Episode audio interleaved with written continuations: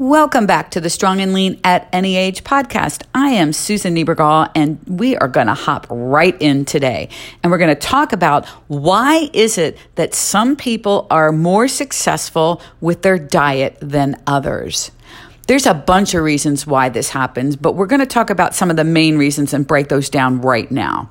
So, the first reason, and I honestly think probably the biggest reason why some are more successful than others is that those that are successful plan out their nutrition ahead of time. That means the night before, sit down and figure out what your nutrition is going to look like the next day. Figure out how many meals you want to have uh, by the end of the day. Figure out how are you going to break the calories down in those meals to meet your calorie target by the end of the day. And also, how are you going to get your protein target met? throughout those meals by the end of the day. At the beginning, this sounds like a daunting task. There's a lot of numbers. You may have to look things up if you're just starting out.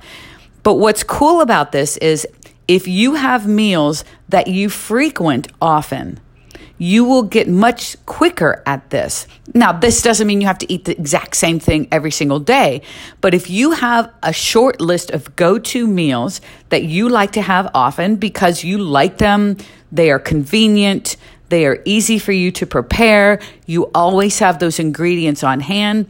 If you have a list of those, then you can pull from those. And the more often you use those, obviously the more you know the the nutrition values of those meals and it becomes much easier as you go.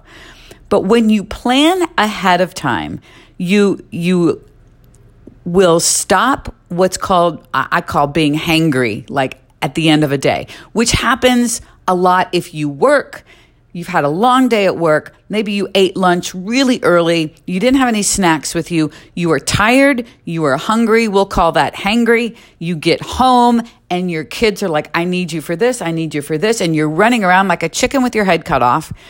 And then you have to sit down and figure out how am I going to plan out my dinner to meet my calorie requirements that I have left for the day? At some point, you're going to say, screw that and you're just going to eat whatever. I would. I mean, that scenario is tough, but this is what planning ahead helps with. It helps prevent this kind of scenario. It helps keep you on track. And here's the other thing about planning ahead when you plan ahead, go ahead and log that meal plan for the next day into your app or into your spreadsheet or however you're tracking your calories.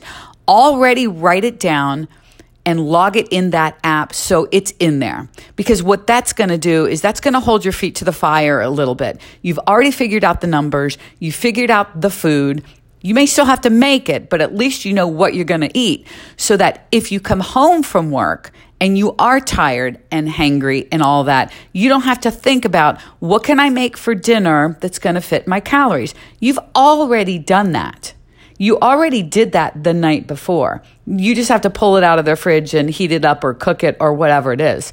So planning really is probably one of the most underrated fat loss hacks there is and is probably the biggest thing that separates successful dieters from people that are not successful. And it doesn't sound like that might be a big deal, but planning ahead is a game changer and I think you will find how little loopholes can can enter in your um, nutrition for the day, little bits here and there. Logging everything in, man, you've already logged in what you're going to consume that day. So um, your your feet are held to that fire, and you will find you will have far more success if you can plan ahead. So planning ahead is the biggest. Another thing that separates successful dieters from people that are not successful. That is, successful dieters are extremely honest about what they're recording. And by that, I mean, if they had a handful of almonds, they'll track those almonds. They will weigh them and, and put down exactly how many calories did they have in almonds. They will not not track that, right? Even though that might be mindless, they are aware enough to know that everything that they put in their mouth, they need to track, especially if they've been struggling to lose weight because those little mindless handfuls of whatever that we all take throughout the course of a day, those calories add up and sometimes they can add up significantly. So if you're just walking in and out of your kitchen and grabbing a handful of chips, couple crackers here, you know, a couple nuts here, there, whatever, by themselves, they're probably not going to add up to a ton although they could depending on how much you eat. But when you do these little bits all throughout the course of a day, you're adding calories onto your diet, which you're not accounting for. And if you're struggling and you're thinking, I'm doing everything right and nothing's working, you need to look at this because chances are you're not tracking everything. And it's it is about being honest, right? You have to be honest with yourself. But often it's mindless stuff that we don't even think about. So it's not really honesty that's at play. It's the fact that we're we're checked out. We're not even thinking. We're grabbing, grabbing and going. You know, it's not something that um, is sticking out as a conscious decision. And I think that is a bigger, a big problem, actually, that it is mindless. And one way to make something more mindful is if you find yourself going to reach for the crackers, stop and ask yourself this question Am I hungry? And the answer is probably going to be no. Uh, not, not surprisingly, it's probably going to be no at that point, what you've just done by asking yourself that question and pausing to ask that question, you've now taken something that's mindless and brought it to the conscious. And when it's a conscious decision, often you choose something else. And I think this is really important to stress. Mindlessly, mindless things happen because we're not thinking. We're not we're not tuned in. But the second we tune in, we can now make decisions that are conscious, that are deliberate, and maybe even strategic. So bring something to the conscious level by asking yourself, whoa, wait a minute, am I hungry? And if you are, then you can ask yourself, are crackers the best thing for me to have when I'm hungry? I mean, bring everything to the conscious level because that's going to help you make either a, a, better choice of food or maybe choose not to have a snack at all. And and the whole deal about being honest, I bring that up because I've spoken to several people recently who have had kind of a come to Jesus moment with themselves. And by that, I mean they finally came honest with what they were doing. And that was they were not recording everything that they were eating. And they had been struggling to lose fat for a long time. And it finally came to the conscious level, and they finally decided to call themselves out on their own crap and hold their own feet to the fire, no matter how scary that was going to be. And what's happened since they have done that is they're starting to see some movement in the scale with their measurements, things that they weren't seeing any movement in before, because they're being completely honest with what they're consuming. And for so many reasons, our honesty gets buried under mindlessness or schedules or whatever. But let's bring everything to the forefront and, and start being brutally honest with ourselves and holding ourselves accountable. Another thing that separates people that are successful with their diet versus those that aren't. Successful dieters do not let one off track meal spiral into a screw it mode and end up being an off track weekend. If they have an off track meal, they literally hop on track the very next meal. They don't look back, they don't beat themselves up, they don't feel guilty or shameful. They just hop back on track. I think they see the bigger picture here. They see it's a long game. It's not a short game. It's like the stock market. You're investing in the long game with your stocks, not short term. Same thing with weight loss. This is a long game. You're investing for the long haul. So an off track meal is just an off track meal.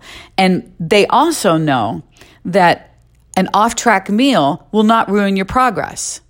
And because of that, they just hop right back on track the very next meal.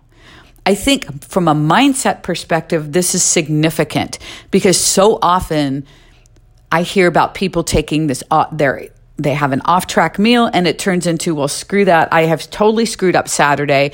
I might as well just go out tonight, have a blast, Sunday brunch, and then I'll just start again on Monday.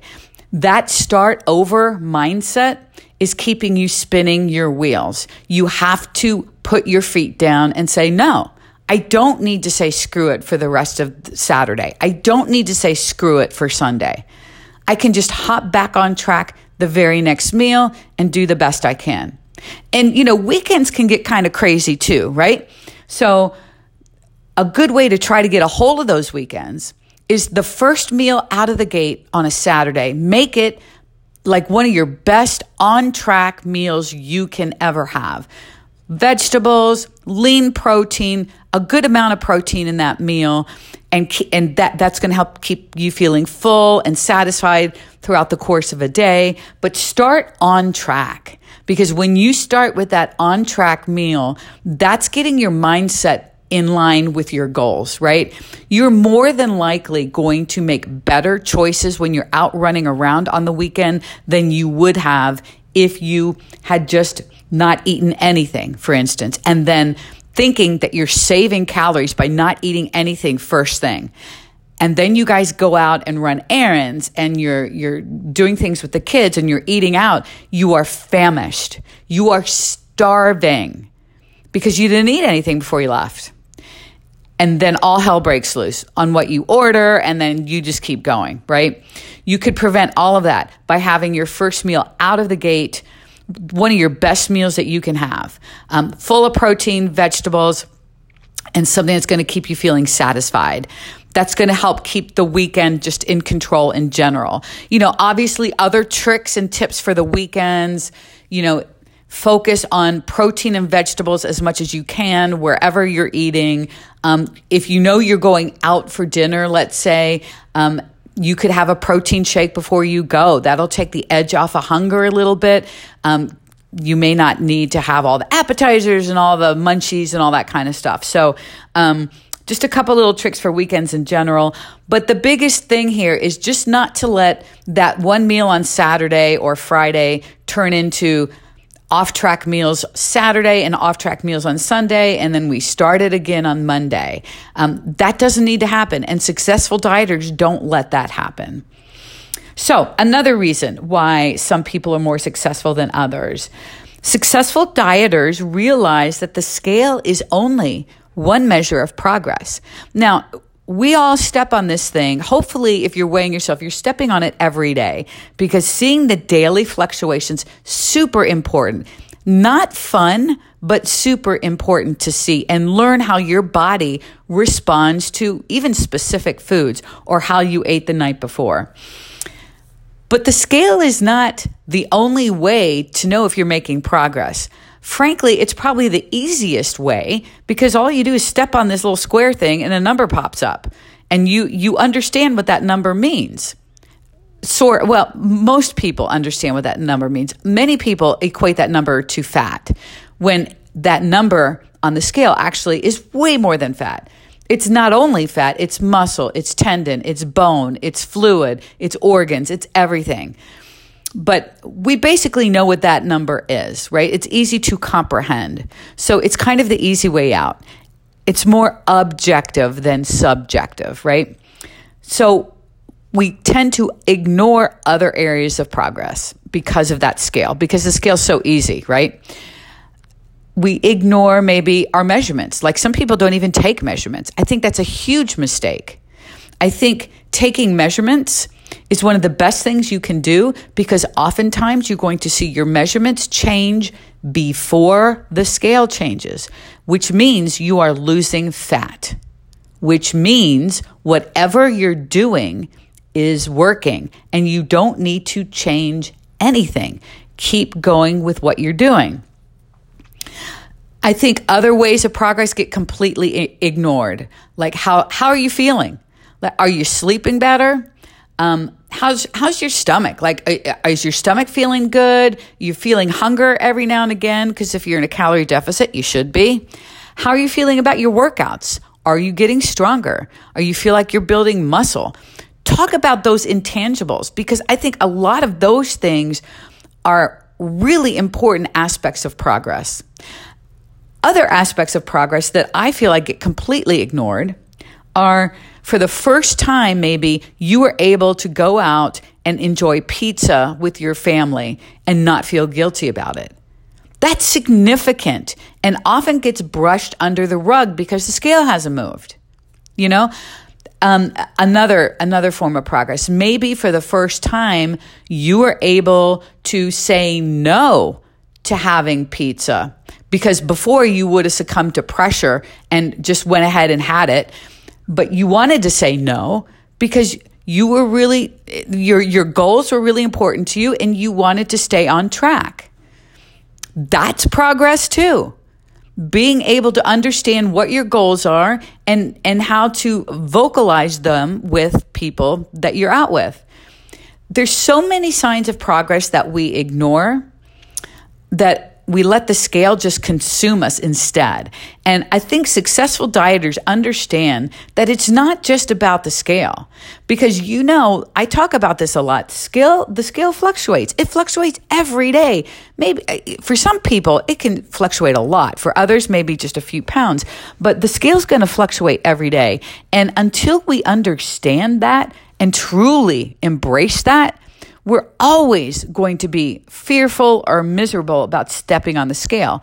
And I will I will say this, I am a huge proponent of stepping on the scale because I think the education you get from doing that is incredibly important. I also feel like if you're afraid to step on the scale, the only way to get over the scale and the fear of the scale is to actually face it and step on it every day. And sometimes when the scale goes up, you're going to be upset. You're not going to like it. I think that's called being a human being. I don't think there's anyone on this planet, including myself, that likes to see the scale go up. There's not one person that honestly likes that. But and but honestly, that's okay to feel that way, right? It's okay to feel like you don't like that. Those negative feelings. That's all all okay. But it's not okay when you allow those feelings to now determine what you do next. And I think that's where most people go wrong. It ruins your day. It you start thinking it's not working, you're frustrated, you want to reduce your calories so you can see the scale go down, all that stuff. I think successful dieters understand all of that. And that takes practice. And it takes maybe being a little uncomfortable with that too. But practice um, finding other areas of progress. And one thing you could do with that is maybe every week write down, literally, write down on a piece of paper. You know how I feel about that. I love writing on a piece of paper. Write down on a piece of paper a couple things from the week that you feel great about, that you feel like you've progressed in, that have gone super well for you. Keep things um, at, at your fingertips. Like write it down every week so you can keep that in front of your face. Um, that will get you used to looking for other signs of progress that are not necessarily the scale. So give that a shot. One more thing I'm going to talk about that I feel like successful dieters do very, very well, and that is they are focused less on the outcome and more on the process. That just means they are focused less on what the scale says. That's the outcome. And they're focused more on how can I improve my consistency? How can I get better at tracking? What can I do to improve? When you start doing that and focusing on those things, the scale will follow. And that's the cool thing take your focus off of that number and focus on you, your effort, your consistency. Because when you improve that, darn right the scale's going to follow. And I know, and I will just say this I know it's easier said than done. I get it. Almost everything in this world is easier said than done. And this is one of them. but that doesn't mean you shouldn't try. It doesn't mean that you shouldn't go through with it it means probably that you should go through with it, right? And that might mean that you have some conversations with yourself. If you hear those voices in your head that start to tell you, Susan, the scale went up. You really should be reducing your calories now. It's not working. You need to tell those voices to shut the hell up. I do this all the time. Tell the voices to shut up. No, I did not gain fat overnight. No, I do not need to reduce my calories. I'm going to keep going. That takes practice. You do that. You you say those words to yourself. I do this like I said I do this all the time. I still need to do it. But the cool thing is you can squelch those voices. You can and and know that you can't gain fat overnight. You can't lose fat overnight. This is a long-term process, right? You're collecting data with your numbers on the scale, your measurements, and then you can look at all these other areas of progress which we tend to ignore. And you're going to see that you're actually doing far better than what you give yourself credit for. So I hope this was helpful for you.